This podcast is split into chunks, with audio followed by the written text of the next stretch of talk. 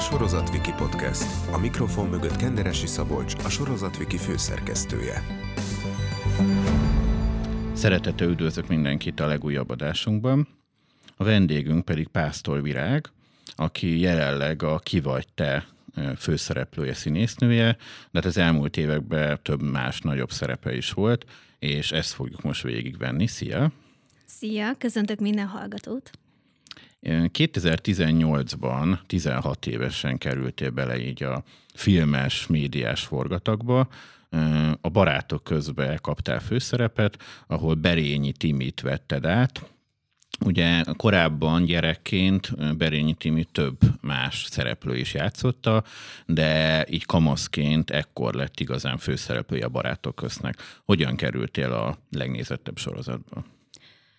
Alapvetően mindig is egy célra törő és céltudatos kislány voltam.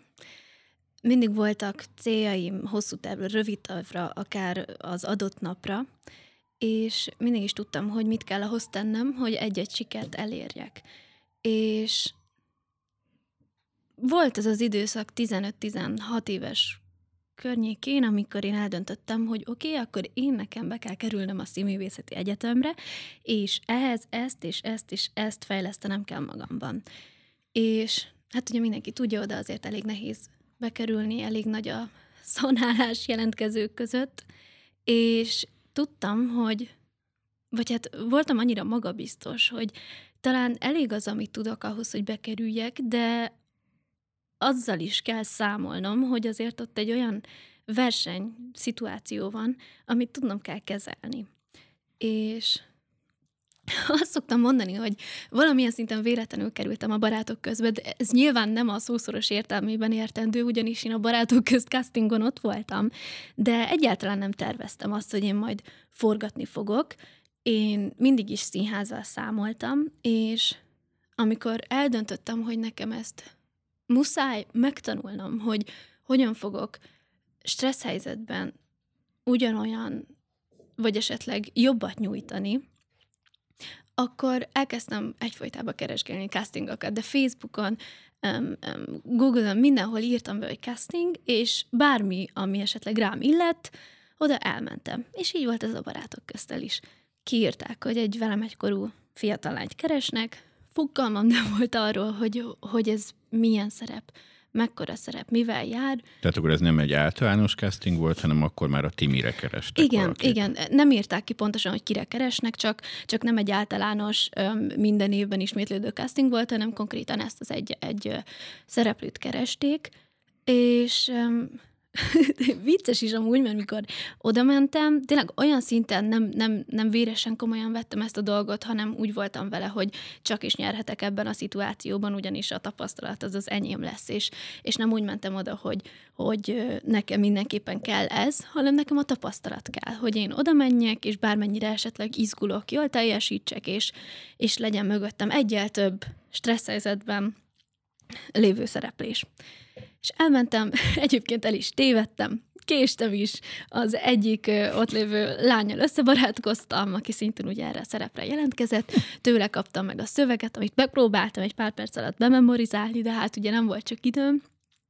Aztán ugye, amúgy ez egy utólag megtudva kifejezetten nagy casting sorozat volt, mert vagy öt fordulós volt, vagy három, vagy négy, tök négy. A lényeg, hogy, hogy több fordulós casting sorozat volt, és amikor úgy az első tovább jutottam, az még olyan, hát olyan izgalommal töltött el, de még nem láttam ebbe sokat. Második casting, castingnál, ott, amikor mentem hazafele, beszélgettem az egyik lányjal, és ő, ő mesélte, hogy hát ő vidéken lakik, és hogyha ez sikerülne, akkor felköltözne a családdal Budapestre. Na hát ott akkor átnéztem, mondom, ja, hogy ez egy ekkora szerep, hogy, hogy neked ettől ennyire megváltozna az életed. De még ott sem igazán ö, véresen komolyan vettem ezt az egészet, inkább úgy, hogy, hogy itt egy lehetőség, ki kell belőle hozni a maximumot, amúgy is maximalista vagyok, és úgy élveztem a kihívást, de nem stresszeltem rá, és szerintem ez volt az egyik um, nagy e- erényem, vagy előnyöm, hogy tényleg nem stresszeltem rá a dologra, és hát az utolsó, utolsó lépcsőfoknál a casting sorozatban azért ott már ott már azért nagyon szerettem volna ezt. Akkor se tudtam még egyébként, hogy ez mivel fog járni, csak tudtam, hogy, hogy amikor már tényleg egy lépés választ el attól, amiért küzdesz, akkor ott, ott mindent bele kell adni. És képzeld el egyébként, nagyon nem, nekem, nekem ez a casting sorozat, jó, utólag nyilván szerencsésen, de amúgy nagyon szerencsétlenül zajlott, mert, mert a leg, legutolsó lépés az az volt, hogy egy próbaforgatást um, csinálunk már a díszletben, uh, igazi szereplőkkel, tehát Izával és Zolival volt a jelenetem. Ezzel szemben én egy teljesen másik szöveget kaptam meg, amit ott kellett megtanulnom, plusz uh, csíkos ruhába mentem, mert azt mondták, hogy mindegy, miben megyek, Nyilván nem ezt fogják nézni a castingosok, viszont azt elfelejtették mondani, hogy amúgy csak csíkos ruhában nem szabad menni, mert ugye az így perezonál, vagy mindegy, zavarja a képet. Tehát nekem egy óra az azzal ment, hogy a stylistok próbáltak nekem ruhát keresni, mi alatt a többiek amúgy tanulták a szöveget, aztán mikor nekem volt egy öt percen megtanulni a szöveget, kaptam egy másik szöveget, és azt tanultam be, és amikor ott álltam, adja a rendező a kezembe a szöveget, mondja, hogy mi a feladatom, én meg ott állok, hogy oké, okay, újra tervezés, nincs pánik, és hát ez azért szerencsém, hogy ilyen helyzetekben valahogy úgy ösztönből tudom, hogy hogyan kell cselekedni, és ösztönből tudom, hogy, hogy hogyan fogom tudni az adott helyzetből, vagy egy szorult helyzetből kihozni a maximumot, és nem kezdtem el pánikolni. Tudtam, hogy na, hát a pánikolással sehova nem megyek azzal is tudtam, hogy hát nyilván próbáltam megemlíteni, hogy milyen szerencsétlen helyzetben vagyok, de tudtam, hogy most az, a mentegetőzés se visz sehova, mert nekem így is úgy is fel kell vennem azt a jelenetet, és akkor gyorsan ránéztem a szövegre, tudtam, hogy esélytelen, hogy abban a helyzetben én memorizáljak, hanem inkább azt, azt próbáltam átgondolni, hogy vajon miért pont ezt a jelenetet választották arra? Mit akarnak látni? Látni akarták, hogy egy igazi kamasz vagyok, egy gőgös, egy, egy, egy feleselő, vérbeli kamaszlány, aki felrakja az asztalra a lábát, és igenis odáll, ha neki valami nem tetszik. És akkor próbáltam ezt megfogni, és szerintem a szövegből semmit, de tényleg semmit nem adtam át, viszont megpróbáltam a hangulatát átadni a jelenetnek, megpróbáltam megmutatni, hogy milyen igazi gőgös kamasz tudok lenni, és hát ezért sikerült valószínűleg, mert nem a szövegre figyeltem, hanem tényleg arra, hogy, hogy, hogy mik azok, amiket látni akarnak. És hát végül is így sikerült. Hányan jutottatok be ebbe az utolsó körbe? Az utolsó körben már csak ketten voltunk. Mm-hmm. Viszont tudomásom szerint egyébként többen voltunk, mint százan, akik egyébként jelentkeztek. Főleg, hogy egyébként emlékszem, hogy ez a casting egyébként már egy fél évvel azelőtt is megvolt mm, hirdetve, mint hogy én elmentem, és akkor el is akartam menni fél évvel előtte is, csak pont valami közbe jött, akár, talán beteg lettem, és nem mentem el. De mivel nem vettem ezt annyira komolyan, nem is foglalkoztam ezzel, mondom, jó, hát majd lesz másik casting, és hát lett fél év múlva ugyanaz. Ezután mennyi idő után kezdtél el forgatni, és milyen volt bekerülni ebbe a gépezetbe? Hát ott nagyon gyorsan történt minden. Körülbelül pontosan nem is emlékszem, mert annyira egyrészt más világban voltam, szanaszét volt a fejem, rengeteg új impulzus, de azt tudom, hogy nagyon gyorsan történt, tehát, hogy megkaptam talán pénteken a szerepet, um, és talán kedden vagy szerdán már forgattam.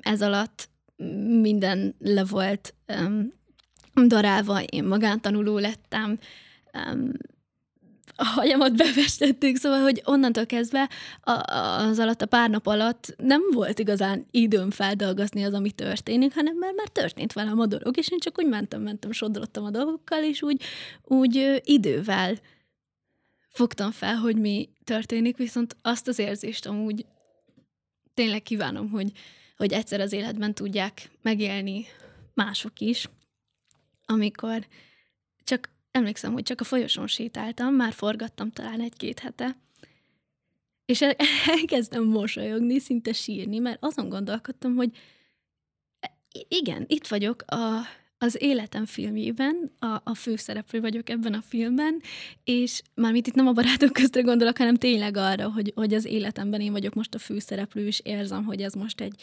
igazán nagy dolog, ami történik, és igazán vágytam erre, és igazán jól érzem magam ebben is. Olyan csodálatos érzés volt az, hogy, hogy így kívülről rálátok arra, hogy igen, most egy álom megvalósul, és hát az ott, az ott egy nagyon izgalmas időszak volt. Nagyon-nagyon. Ugye említetted Szőke Zoltánt, ugye, aki a Berényi Miklóst játszotta, illetve Varga Izát is, ugye, aki a Nórát, de hát ott számos olyan nagyon nagy színész volt, akik nagyon régóta játszottak a barátok közben, és nagyon ismertek voltak. Hogy viszonyultak hozzád, meg milyen volt a beilleszkedés? Um, olyan téren, hogy ők ismertek voltak, um, igen, tudtam mindenkiről körülbelül, hogy ki ő, meg, meg a nevüket így, így tudtam, viszont én nem igazán néztem tévét. Egy, egyrészt, mert folyton annyi elfoglaltságom volt ilyen-olyan külön órák, hogy, hogy arra nem nagyon volt időm, és igazából se kapacitásom, se igényem, hogy leüljek és, és uh, tévézek, úgyhogy én őket a barátok közből nem ismertem. De azt gondolom, hogy nagyon-nagyon befogadóak voltak, egyből partner partnerként kezelt mindenki. Főleg Iza és Zoli, azt éreztem, hogy főleg, de erre nyilván utólag jön rá az ember, vagy nem ott rögtön, de a leges legjobb helyzetbe kerültem. Azt gondolom, hogy, hogy pont azokkal az emberekkel volt több kontaktom a forgatásokon, akik engem tényleg előre vittek, akik engem tényleg támogattak, és tényleg akiktől nagyon sokat tudtam tanulni, akikkel tényleg egy igazi, hát egy második család tudott kialakulni, és nagyon sokat köszönhetek is nekik. Az egyszerű néző hogyan, hogyan tudja ezt elképzelni, hogy egy héten mennyit forgattál, hogyan volt a beosztásod, mennyit vettel ez? Hát azt gondolom, hogy egy, egy egyszerű néző ezt nem is tudja elképzelni, és nem is feltétlenül tudom átadni azt, hogy ez, ez mennyit vet ki belőlem, és amúgy azt se konkrétan lehet megfogalmazni, hogy egy héten mennyit dolgoztál, mert, mert teljesen változó volt, viszont azt tudom, hogy minden nap szinte bent voltam. Tehát, hogy, hogy, hogy itt is voltak kisebb és nagyobb szerepek, itt én a nagyobb szerepet ö, ö, képviseltem, és, és minden forgatási nap körülbelül bent voltam. Elég sok időket. A hétköznapjaimat elvitte. Igen milyen volt a, nem tudom, családod viszonyulása ehhez, barátaid viszonyulása ehhez? De azt gondolom, hogy a családom viszonyulása teljesen természetes volt. Valahogy úgy, úgy, ahogy én mentem az árral, ők is jöttek velem az árral, és teljesen normálisan kezelték, és örültek, és ők is velem együtt izgatottak voltak, nekik is új volt ez a világ, támogattak 120 százalékkal, tehát hogy, hogy tényleg ilyen szinten nem volt a családi támogatásban hiányom soha. Barátoknál ott egy kicsit nehezebb volt a helyzet. Ugye alapvetően az egy teljesen normális folyamat az ember életében, amikor azok a barátok lemorzsolódnak, akik, akik úgy igazán nem tesznek hozzád, és, és, és nem feltétlen negatívumként beszélek ezekről, mert, mert vannak azok a barátok, akikkel tényleg úgy jól el vagy, de mégsem azt mondod, hogy ő az igazi legjobb barátom. És ez teljesen természetes, amikor egy fiatalnak rengeteg barátja van, aztán ugye ahogy növünk, egyre kevesebb időnk van, ugye a baráti kapcsolatokat ápolni, és tényleg azok maradnak meg, akik úgy, úgy az igazak.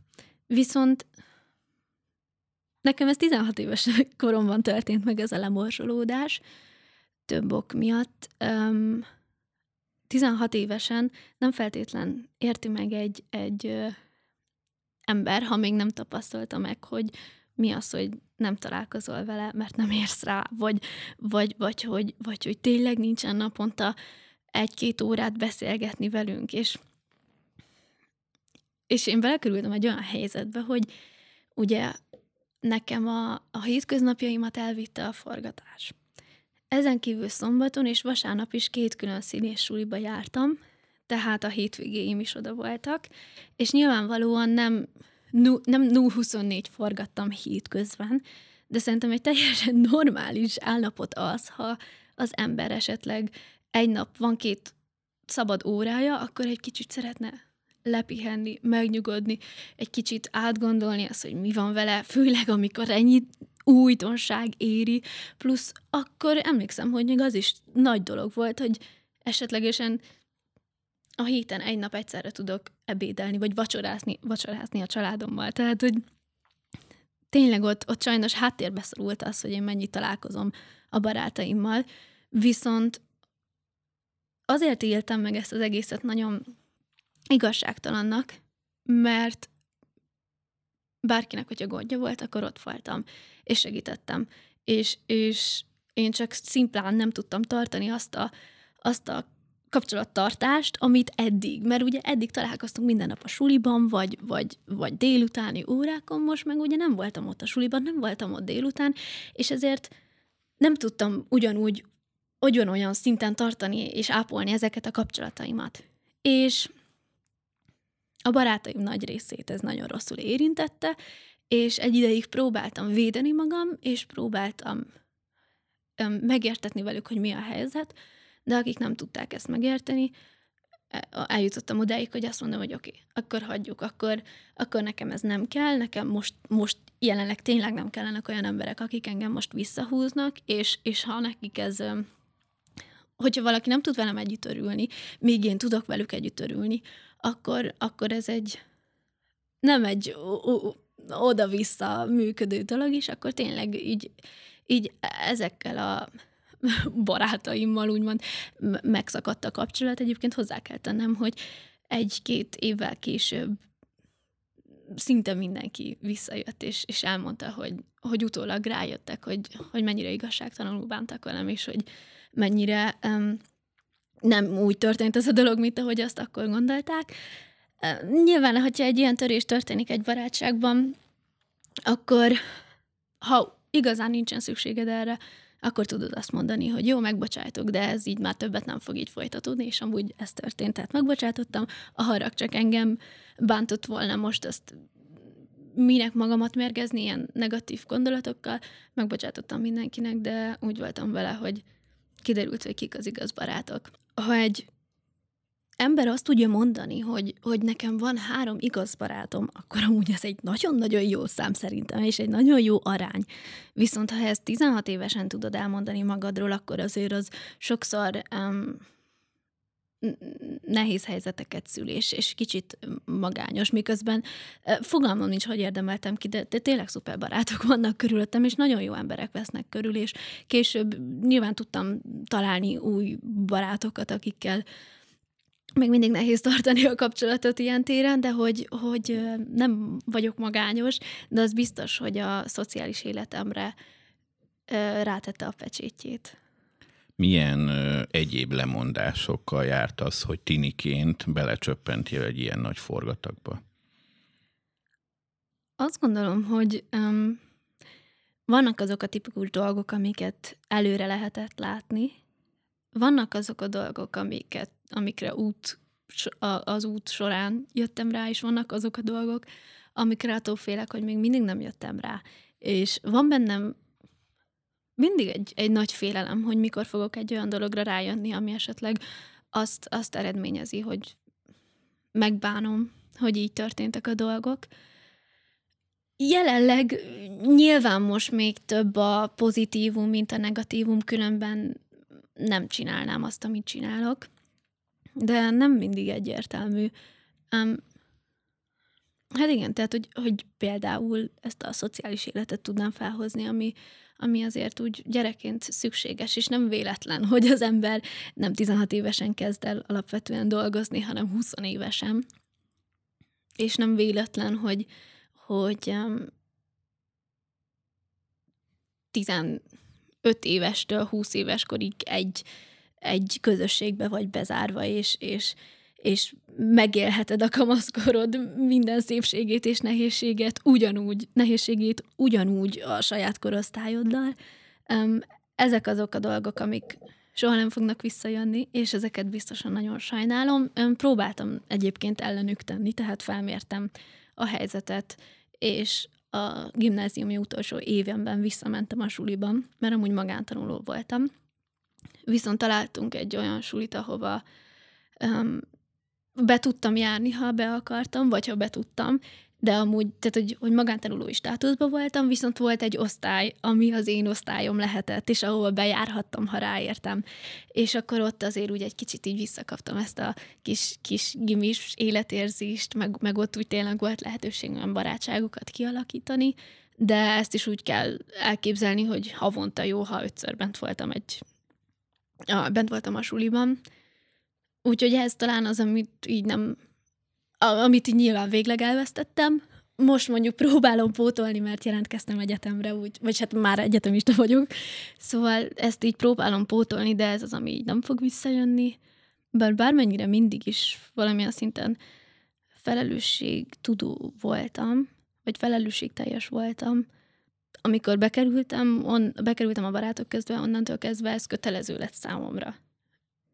Nem, nem lehettek olyan reakcióim egy-egy történésre az életemben, hogy jó, akkor most nem érdekel semmi, én most, én most egy hétig sztrájkolok, vagy két hétig sztrájkolok, vagy, vagy éppen most nem szólok senkihez, és, és, um, és szomorkodom, vagy, vagy annyira vidám vagyok, hogy nem alszom, és csak burizom nem tudom hány napon keresztül. Tehát ezeket a dolgokat nem nagyon tehettem meg, és valamilyen szinten mindig kontrollálni kellett magamat, mivel dolgoztam. Tehát egy, egy dolgozó valamilyen szinten felnőtt voltam, akinek kötelességei vannak. Így a kötelesség tudatom amúgy az nagyon szépen kifejlődött, csak néha úgy, úgy, úgy igazán jól esett volna felelőtlennek lenni. Meg hát ugye nem feltétlen érzem a hiányát, meg, meg nagyon, tényleg, tehát nagyon um, próbálok egyensúlyt tartani az én fiatalságomban és a munkámban, de még másnak ezt az egyensúlyt nem kell megtartani, hanem csak úgy viszi a sodrás, és azt csinálja, ami jól esik általánosságban, nagy általánosságban. Addig nekem az is munka volt, hogy, hogy, hogy elmenjek bulizni. Hogy, hogy, hogy legtöbbször az esett volna legjobban, hogy végig dolgoztam az egész hetet, hazamenjek és aludjak, de tudtam, hogy, hogy nem normális, nem normális, el kell mennem társaságba, el kell mennem jól érezni magam, el kell mennem kikapcsolni, és, és tudtam, hogy nekem ezt meg kell tennem, mert az én személyiségemhez amúgy ez passzol, tehát én egy nagyon szociális ember vagyok, csak ugye, hogyha fáradt az ember, akkor a legjobb az, hogyha hazamegy és pihen. És, és, és ilyen szinten ezt a nagy burizós kiélem magam az éjszakában életérzést nem igazán tudtam megélni. Ez nem, még nem látom, hogy ez, ez milyen következményeket hordoz magával. Lehet, hogy egyébként nem, nem fogom durván él, érezni, mert mondom, próbáltam egyébként így valamilyen szinten tartani így is a, a helyzetet. Um, talán az is következménye lehet a, a kiskorban jött sikernek, hogy nagyon széles körű az érdeklődésem. Én, én például nagyon sokáig énekeltem, és egyébként még most is nagyon sokat énekelek, de már csak magamnak. Mert valahol, persze nem százszázalékosan emiatt hagytam abba az éneklést, de valahol köze volt annak hozzá, hogy, hogy azt éreztem, hogyha valamiben nem vagyok kimagaslóan jó, akkor azt miért csináljam? Nem is az, hogy miért csináljam, de azt éreztem, hogy nekem azokat a dolgokat kell művelnem, amiben kimagasló vagyok, és ha már volt olyan dolog, amiben országos szinten el tudtam érni valamit, akkor utána nem, nem tudott kielégíteni az a dolog, ha én csak úgy jó vagyok valamiben. És, és akkor amiben, amiben jónak éreztem magam meg, amiben olyan visszajelzéseket kaptam, hogy igen, ez kimagasló, azt csináltam, de például az éneklésben éreztem úgy, hogy a saját kis közegemben lehet, hogy kimagasló volt, és, és a ilyen-olyan iskolákban is jó visszajelzéseket kaptam, de országos szinten nem éreztem úgy, hogy nekem most például lenne helyem a, a Magyarországon. Azt érezted, az... hogy színészként jobb vagy? Azt éreztem, hogy színészként, színészként igen, színészként van helyem, és, és énekesnőként nem, és ezért el is engedtem az éneklést. De akkor jól értem, hogy most 22 évesen nem bántad meg, hogy 16 évesen így beléptél a sorozatba. Jelenleg azt gondolom, hogy nem, de mondom, tehát, hogy any- olyan szinten nem egyértelmű, hogy, hogy, hogy bőven benne van jelenleg azt gondolom a pakliban, hogy egyszer jönni fog majd egy olyan gondolat, amire most még nem gondoltam, hogy na ezért lehet, hogy nem értem meg. De nem tudom. Hirtelen ismertséggel is járt a szerep. Nyilván megismertek az utcán, vannak olyan emberek, akik lehet, hogy máshogy viszonyultak hozzád. Hogy élted ezt meg, vagy van-e valami olyan helyzet, amit nem tudtál jól kezelni, vagy valamilyen ismeretlen ember furán viszonyult hozzád? Voltak vicces sztorik ezzel kapcsolatban, hogy, hogy voltak olyan emberek, akik egy kicsit komolyan vették például a, a sorozatban történő történéseket, és, és éppen leszittak az utcán, hogy én hogy beszélek az anyukámmal, meg ilyenek, vagy éppen nem adtak ö, segítséget, hogy most jobbra vagy balra menjek mert, mert hogy ők mérgesek rám, ahogy én viselkedek. Kérdezted, hogy merre kell menni, és nem mondták meg. Igen, pont valami vizsgálóadásom volt, és gyorsan lefutottam a boltba vízért. Viszont azt már nem tudtam, honnan jövök, ez egyébként tipikusan én vagyok, és oda mentem egy, egy öreg asszonyhoz megkérdezni, hogy mondja már meg, hogy merre kell mennem, és na- nagyon furán nézett rám, amúgy másodjára már azt akartam mondani, hogy jó, igazából mindegy, akkor tovább megyek, és megkérdezek valaki mást, és akkor elmondta, hogy maga nem, nem, nem a Timike. És akkor mondtam, hogy de igen, de egyébként sietek nagyon, és akkor azt mondta, hogy nem is tudom már pontosan mi volt a beszélgetés, de a lényeg, hogy, hogy mondta, hogy elsőre nem akart segíteni, de hogy látja, hogy milyen mosolygós vagyok, és hogy, hogy nagyon meglepődött, mert hogy mérges rám amúgy, ahogy beszélek anyukámmal, és nem hagyom, hogy az anyukám boldog legyen, és, és akkor végül segítettem amúgy. Tehát, hogy, hogy tényleg vannak ilyen, ilyen érdekes helyzetek. Um, azt észre szoktam venni nyilván, amikor felismernek, sőt, egyébként mostanában inkább nem. Tehát, hogy, hogy az elején még úgy izgalmasan ezt így figyelgeti az ember, aztán nem feltétlen figyeli, aztán már nem is veszi észre. Um, voltak ebben is idegesítő és nagyon jól eső dolgok, az idegesítő közé azt sorolnám, amikor mondjuk 30 percen keresztül ülök egy tömegközlekedési járművön, és velem szemben valaki videóz. Szóval, szóval hogy ezeket... Tényleg volt ilyen? Igen, és ezeket... Nem szóltál rá, hogy ne videózzon? Hát ugye valószínűleg manapság egyébként már már kiállnék magamért, de amikor 16 évesen ott vagy, és egy 30 éves férfi videóz téged, nem igazán van eszközöd, mivel leállítani őt, úgyhogy ezek úgy idegesítőek voltak, de amúgy nem ért sok ilyen atrocitás. És, és, és közben meg inkább a jók értek, hogy oda jöttek, és láttam, hogy akár velem egy idősök teljesen izgatottak lettek attól, hogy velem beszéltek, azok nagyon jó érzések. Az egyik fordulópont az az volt, amikor nem azt mondták, hogy te nem a Timi vagy, hanem hogy te nem a virág vagy, és akkor ott, na, az ott nagyon jó érzés volt, amikor már a saját személyemet ismerték fel, nem a karakteremet.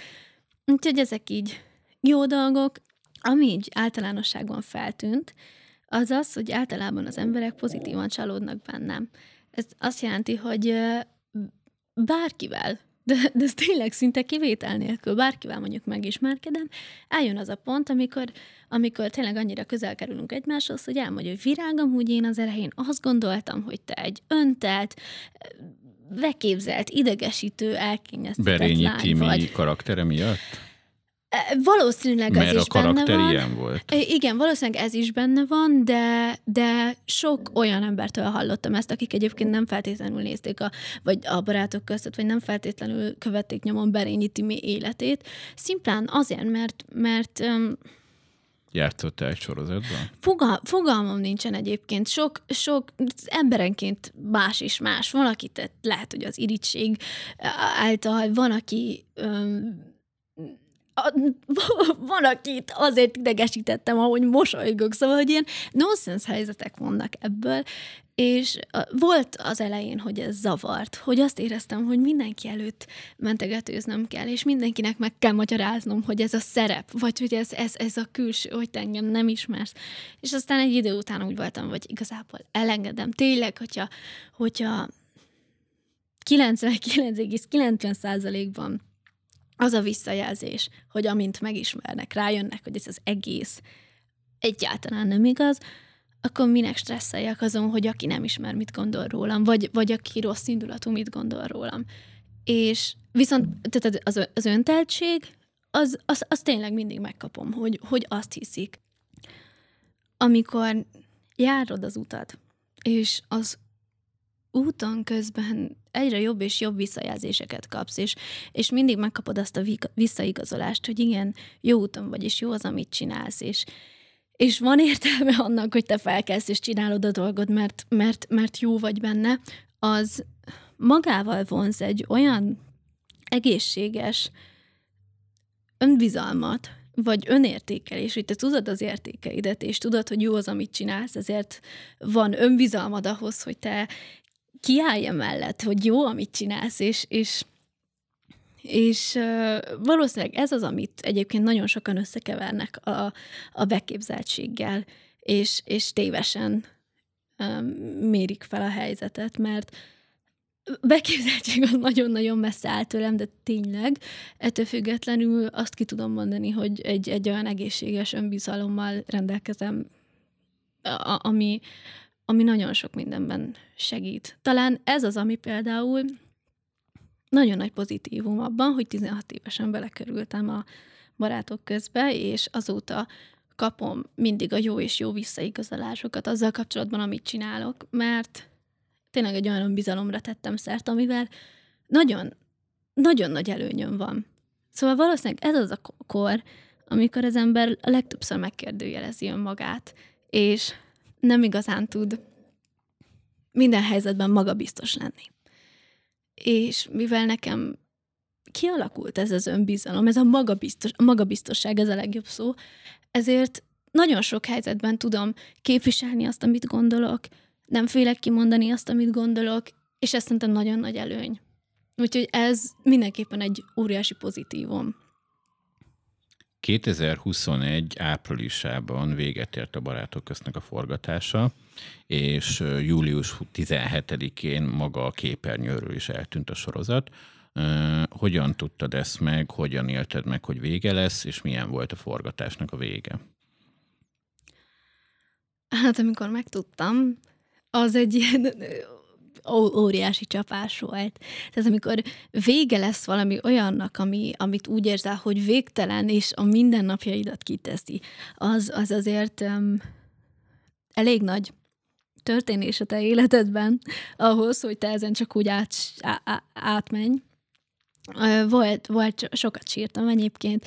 Volt, amikor azt éreztem, hogy összedől a világ, egyáltalán nem azért, mert nekem akkor most új munkát kell keresnem, mert tizen nem tudom, 19 éves, 20 éves lehetne, nem, nem az a legnagyobb problémát, hogyha neked nincs munkát, hanem szimplán annyira megszerettem ezt, ott nőttem fel, az volt az otthonom, sokkal többet voltam ott, mint bárhol, sokkal többet voltam az ott lévő színészekkel, mint a barátaimmal, ott egy igazi család alakult ki, ahol tényleg bementél a portán, pasival köszöntél az, az öreg bácsitok aranyos portásnak, aztán a recepciósokkal már dalolászva beszélgettetek, tehát hogy, hogy mindenkivel egy olyan jó kapcsolatot ápoltam, hogy ijesztő volt, meg szomorú abba belegondolni, hogy tényleg így egyszer erről múltban fogunk beszélni, és nem fogunk nap mint nap találkozni, és akkor abban a helyzetben el se tudtam volna képzelni azt, hogy én például most itt ülök, és nem sírok, és úgy beszélek a barátok köztről. Um, Jóval előtte megtudtam egyébként, hogy vége lesz, tehát a fülembe jutott az információ, ezért viszonylag hamar fel tudtam dolgozni, és egyébként mire oda jutottunk, hogy vége lett, ott már tudtam, hogy a következő forgatásom az a Hotel Margaret lesz. Tehát ott már tudtam, hogy, hogy kilépek a stúdióba, de mi lesz a következő stúdió, ahova belépek, szóval olyan szempontból nem volt stresszes a vége, hogy, hogy na hova tovább, de szomorú volt. Az viszont nagy megtiszteltetés volt, és hát azt már senki nem veheti el tőlem, hogy a Barátok közt legutolsó epizódjának legutolsó jelenetében fontos szerepet töltünk be. Szóval az nekem nagyon megtisztelő volt, és, és nagyon komolyan is vettem. És onnantól kezdve, amint megtudtam egyébként, hogy vége lesz a sorozatnak, egy olyan motivációs hullámot kaptam, hogy tudtam, hogy oké, okay, akkor ez innentől kezdve véges. És akkor innentől kezdve, ha esetleg nem rakom bele magam százszerzalékosan, nem örökre lesz időm magam ezt pótolni. Tehát nem, nem, nem lesz jövő héten is, jövő héten is időm ezt pótolni, mert egyszer vége lesz. És onnantól kezdve még jobban beleadtam apai, apait, anyait, és, és tudtam, hogy fontos, hogy, hogy jól csináljam, szóval szerintem az utolsó időszakban fejlődtem is sokat, és hát kihasználtam minden pillanatát, és szerintem szépen sikerült befejezni. Lelkiismeretesen sikerült befejezni. 2022 elején volt látható a Hotel Margaret, amit említettél, viszont ugye ez 21 nyarán, illetve őszén forgattátok, nem sokkal ugye a barátok közt után. Hogyan kerültél oda be, és milyen volt ezen a sorozaton dolgozni? Mm. Amikor vége lett a barátok köztnek, vagy amikor megtudtam, hogy, hogy vége lesz, a fülembe jutott a hír, akkor úgy voltam bele, hogy, hogy mindenki ismeri azt a mondást, ha egy ajtó becsukódik, akkor valahol egy másik ajtó kinyitódik, és úgy voltam vele, hogy én ezeken az ajtókon bekopogok, hát ha valahol szívélyesen fogadnak. És akkor így jutottam el a Barbiehoz is, a Hámori Barbiehoz. Ugye um, a sorozatnak a showrunnere. Igen. Uh, írtam neki egy e-mailt, hogy itt vagyok, ki vagyok, mit csinálok, és hogy, és hogy lelkes vagyok, és szívesen dolgoznék. És Mm, utólag nagyon jól tettem, hogy írtam neki, nem tudom, hogy amúgy is megtalálta volna, és behívtak-e volna a castingra. Lényeg a lényeg, behívtak egy castingra, és, és ott ugye megkaptam a Kira szerepét, Kozma Kira szerepét, az egy főszerep volt. Mm, azt mondom, hogy alapvetően maga a a szerep nem volt kihívás, mert egy, egy hozzám nagyon közel álló karaktert alakítottam. Ugye teljesen más volt, mint addig Berényi Timi, De... mert Berényi Timi egy inkább egy ilyen erőszakos, kamaszosabb, közben külön vállalkozásra törő divattervező volt, Kira pedig ugye szintén egy fiatal, de egy vidéken élő, egyszerűbb, nyugodtabb lány.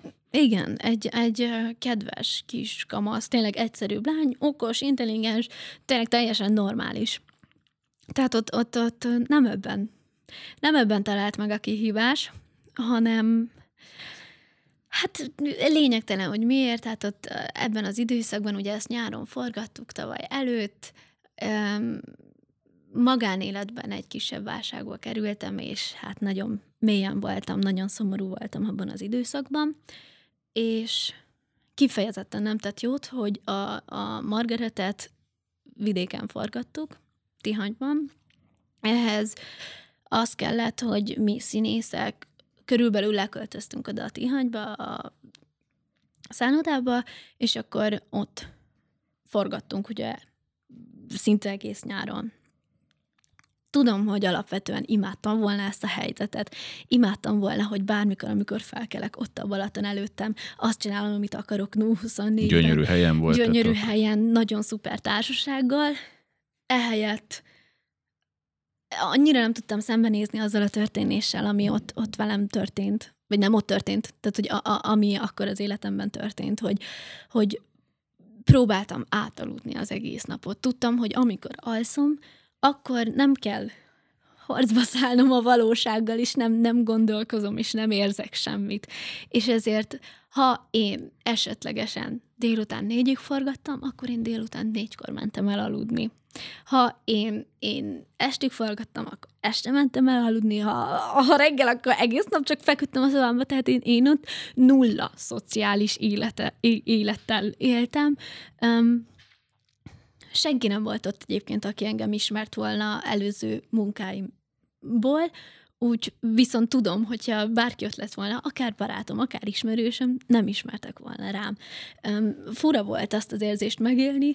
Kicsit úgy éreztem, hogy elkirásodtam, mert Kira, ugye a karakterem neve, ő, egy, egy visszafogottabb lány. Visszafogottabb lány, mint én. És, és azt éreztem, hogy, hogy az történik velem sokkal felnagyobb, felnagyobbítva, mint ami kirával, hogy, hogy nem találtam senki, ne, nem is az, hogy nem találtam senkivel a közös hangot, nem is kerestem. Jó, ha bemutatkoztam a, a kollégáimnak, de ennyi. Nem beszélgettem, nem akartam, a, nem akartam érzékelni a valóságot. Én, én, én csak forgattam, és, és próbáltam túlélni a dolgokat, és az ott azért így utólag is visszagondolva, ez egy ó- óriási meló volt. Az, hogy, az, hogy egész nap sírok, vagy, vagy küzdködöm a könnyeimmel, de közben ott van a, a forgatás, és amikor kimondják, hogy tessék, akkor te ott legyél ott, és legyél toppon. És az olyan szempontból meg egy óriási büszkeséggel tölt el, hogy meg tudtam csinálni. Hogy, hogy sikerült, hogy egyrészt túléltem, másrészt nem akárhogy. Azt gondolom, hogy jól sikerült, és, és um, tudtam, véghez tudtam vinni azt a feladatot, feladatot, amit akkor rám szántak, vagy nekem szántak, és hát tapasztalásnak nagyon jó volt megtapasztalni, hogy, hogy, hogy ennyire tudok a munkára koncentrálni, és, és elvonatkoztatni azzal, hogy, hogy mik történnek velem, de na az, az kemény időszak volt.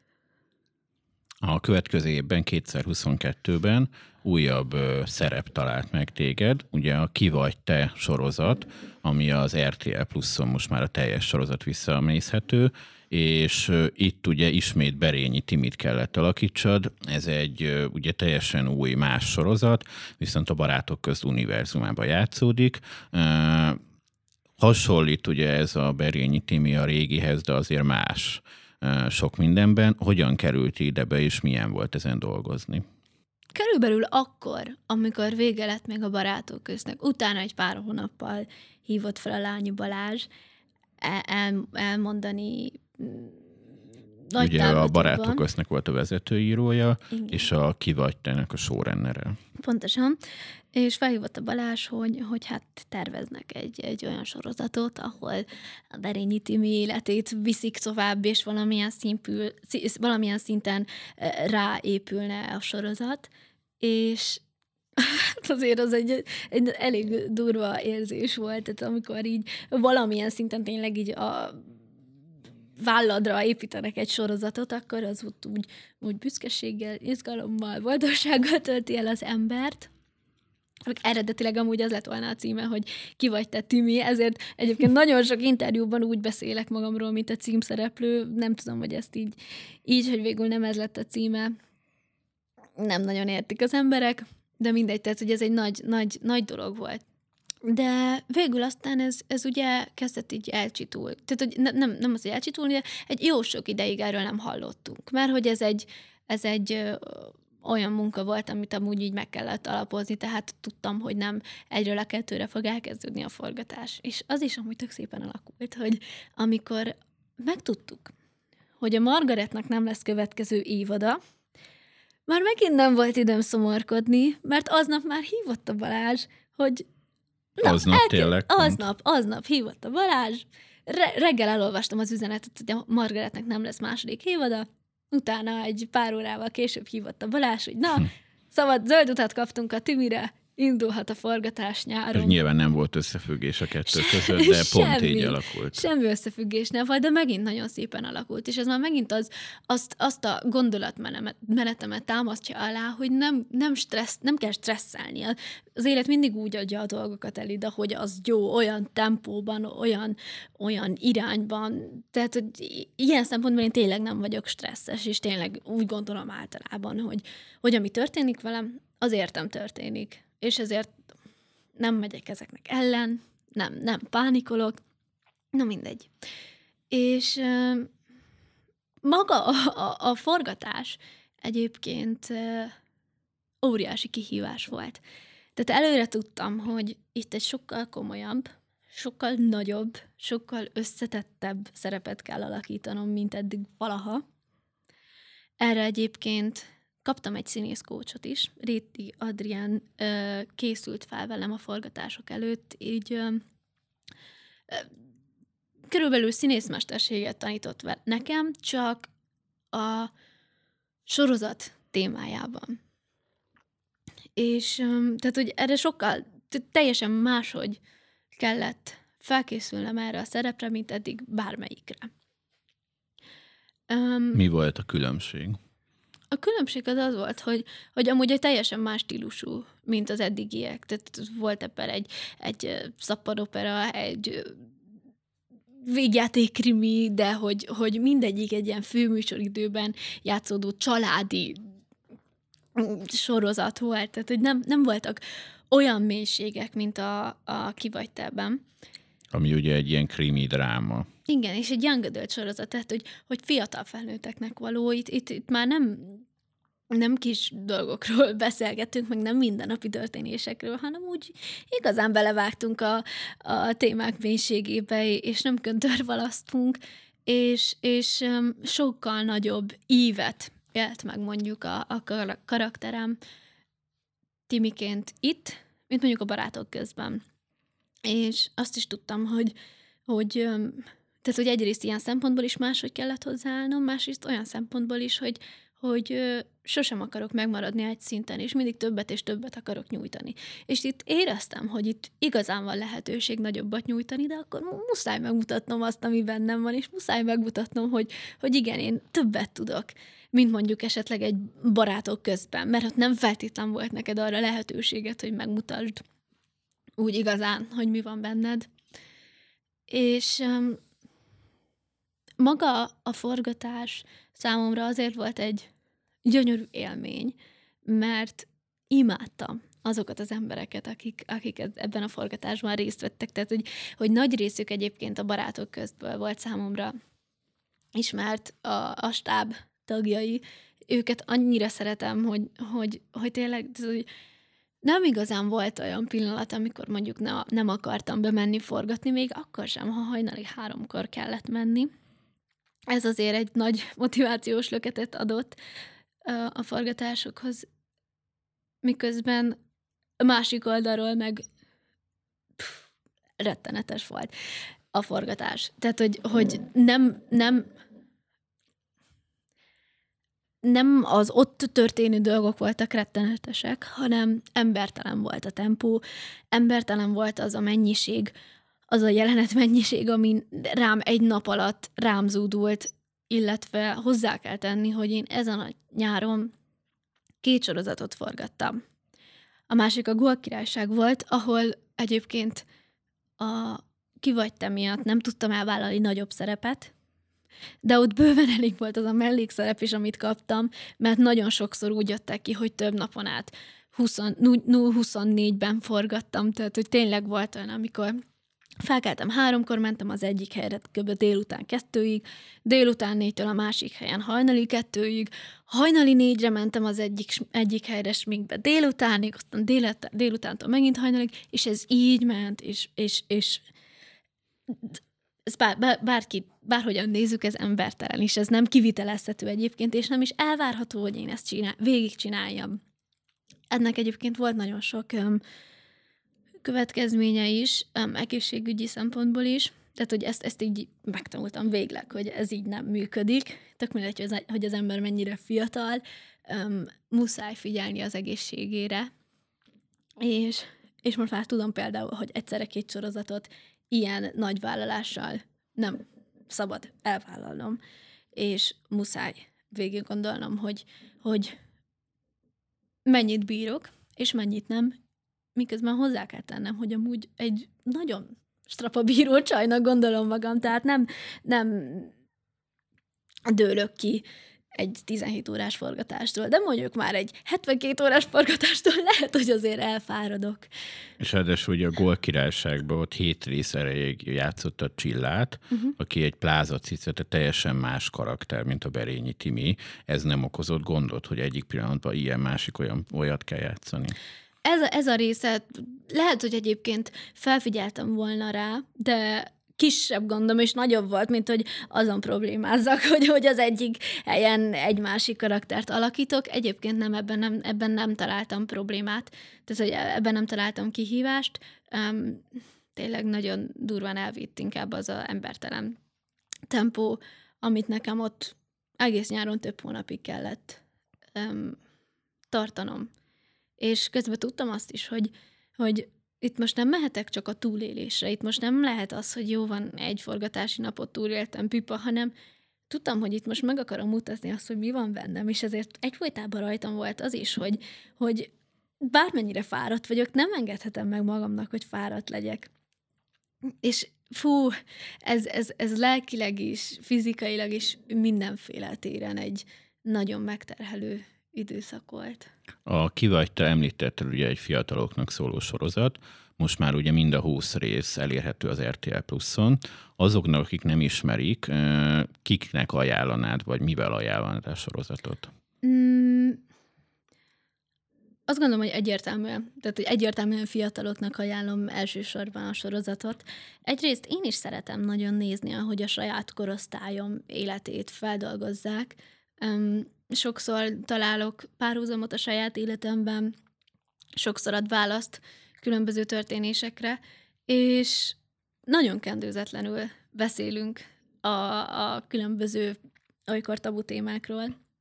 És szerintem ez, ez csak is pozitívum lehet, és azt gondolom, hogy, hogy sok téren tud segíteni ez, sok téren izgalmas, úgyhogy, úgyhogy ezért mindenképpen fiataloknak ajánlom. Ugye itt több mindenféle sorozat szerepről beszélgettünk, lehet, hogy nem tudják sokan, de színházba is, különböző darabokba is játszottál az elmúlt években, illetve a pároddal itt ilyen vállalkozásba is fogtatok. Mit tervez így a jövőbe, vagy a következő évben, vagy vannak-e terveit, hogy mivel szeretnél főleg foglalkozni? Hát nagyon szépen keretesen alakul ez a beszélgetés, ugyanis a első mondatokban elmondtam, hogy, hogy mindig vannak céljaim hosszú távra, rövid távra, és um, jelenleg is mindig vannak célok, vagy, vagy esetlegesen olyan dolgok, amikben újabb és újabb sikerek, sikereket szeretnék elérni. Ha a színházat említetted, talán a színház az egy olyan dolog az életemben, ami még egy beteljesületlen álom. Tehát voltak már szerepeim, voltak nagyon, nagyon hízelgő és, és megtisztelő lehetőségeim. Például a legutóbbi Édeskeserű című edukációs zenés darab, ahol a főszerepet játszhattam nem mellesleg olyan színészek mellett a színpadon, mint Fodorogi Gyuszi bácsi, Bence Ilona, Vajtági, tehát hogy sorolhatnám még tényleg nagyon meg. 22 volt. novemberében mutatták ugye be. Pontosan. És um, azt például ott, ott nagyon élveztem, meg, meg úgy, úgy tényleg ott így, így megtaláltam a helyem a színpadon, viszont úgy igazán a színház világában még azt gondolom nem volt annyi lehetőségem, hogy, hogy um, hogy azt mondhassam, hogy, hogy van egy színházi múltam, vagy hogy nem történt még olyan mérföldkő a színházban, ami, amire úgy, hogy egy fordulópontra tudnék tekinteni, és azt gondolom, hogy ez egyszer egy ilyen, vagy hát remélem igazából, hogy egyszer egy, egy, egy valami komoly műzikelben fog megmutatkozni. Mert, mert egyébként azt imádnám, tehát azt tényleg azt nagyon szeretem. Ha énekelek, táncolok és színészkedem, akkor úgy akkor beteljesülök, azt értem. Ezen kívül, igen, barátommal most már a másik vállalkozásunkat próbáljuk így felfutatni, az úgy megy. Um, céljaim az, az továbbra is, hogy menedzselni tudjam az életemet, mert az mindig egy, egy, egy nagy kihívás minden nap, hogy én hogyan menedzselem ezeket a dolgokat, de hát mindig jobb és jobb akarok lenni azokban, amik, amiket, amikben mozgok, most nyáron is lesz forgatás, és um, most különösen izgatott vagyok, mert bár bár mind, tényleg, tényleg, tehát hogy én ezeket a forgatásokat tényleg élvezem, és, és tényleg jó lehetőségek, attól függetlenül, hogy jelenleg a rossz dolgokra tértem ki, de valamilyen téren azért is tértem ki a rossz dolgokra, mert, mert erről úgy nem hallanak az emberek. Valahogy nem tudom biztosan, hogy ez egy átgondolt gondolat lesz-e, de azt érzem, hogy azokat, akik a, a közszereplői körben benne vannak, olykor rögtön, vagy, vagy nem tudom, sokszor igazságtanul ítélik meg, és, és, és, és nem igazán merünk arról beszélni, ha valami nem jó, vagy ha valami nehéz, mert, mert rögtön úgy jön le, hogy mi hálátlanok vagyunk, és hisztizünk miközben milyen jó, és milyen könnyű nekünk, és hát pont ezekből a dolgokból, amiket elmeséltem, és ez tényleg csak egy nagyon kis része, amiket elmeséltem forgatási tapasztalatokból, éppen ebből látszik, hogy azért ez nem csillogás és szórakozás, és, és ezt, ezt például kifejezetten sajnálom, hogy amúgy nincs a köztudatban, mert sokkal másképpen, tehát másképp tekintenének ránk, és, és és nem lennének ennyire igazságtalanok, mert sokszor tényleg érzem, hogy, hogy nem feltétlen látnak bele, nem is tudnak belelátni, nyilván egy külső szem nem lát annyit, mint mi, de, de, de nem árt ezekről tudni, hogy mik, mik, miken megyünk keresztül sokszor. És most kifejezetten várom ezt a nyarat, mert, mert időzőjelben csak egy sorozatot fogok forgatni. Várom, hogy újra visszatérjen az a, az a boldogság, ami 16 évesen bennem volt, hogy élvezni tudjam azt, amit csinálok, hogy, hogy legyen időm tényleg megélni azt, hogy ez egy jó dolog. Most, most nagyon pozitívan és, és motiváltan vágok bele ebbe a nyárba. Köszönöm szépen, hogy eljöttél. Én köszönöm szépen a meghívást. Ezt az adást és a többi adásunkat is vissza lehet hallgatni a sorozatviki.hu-n, illetve az összes nagyobb podcast felületen. Köszönöm a figyelmet Szabó Dalma, szerkesztő nevében is. thank you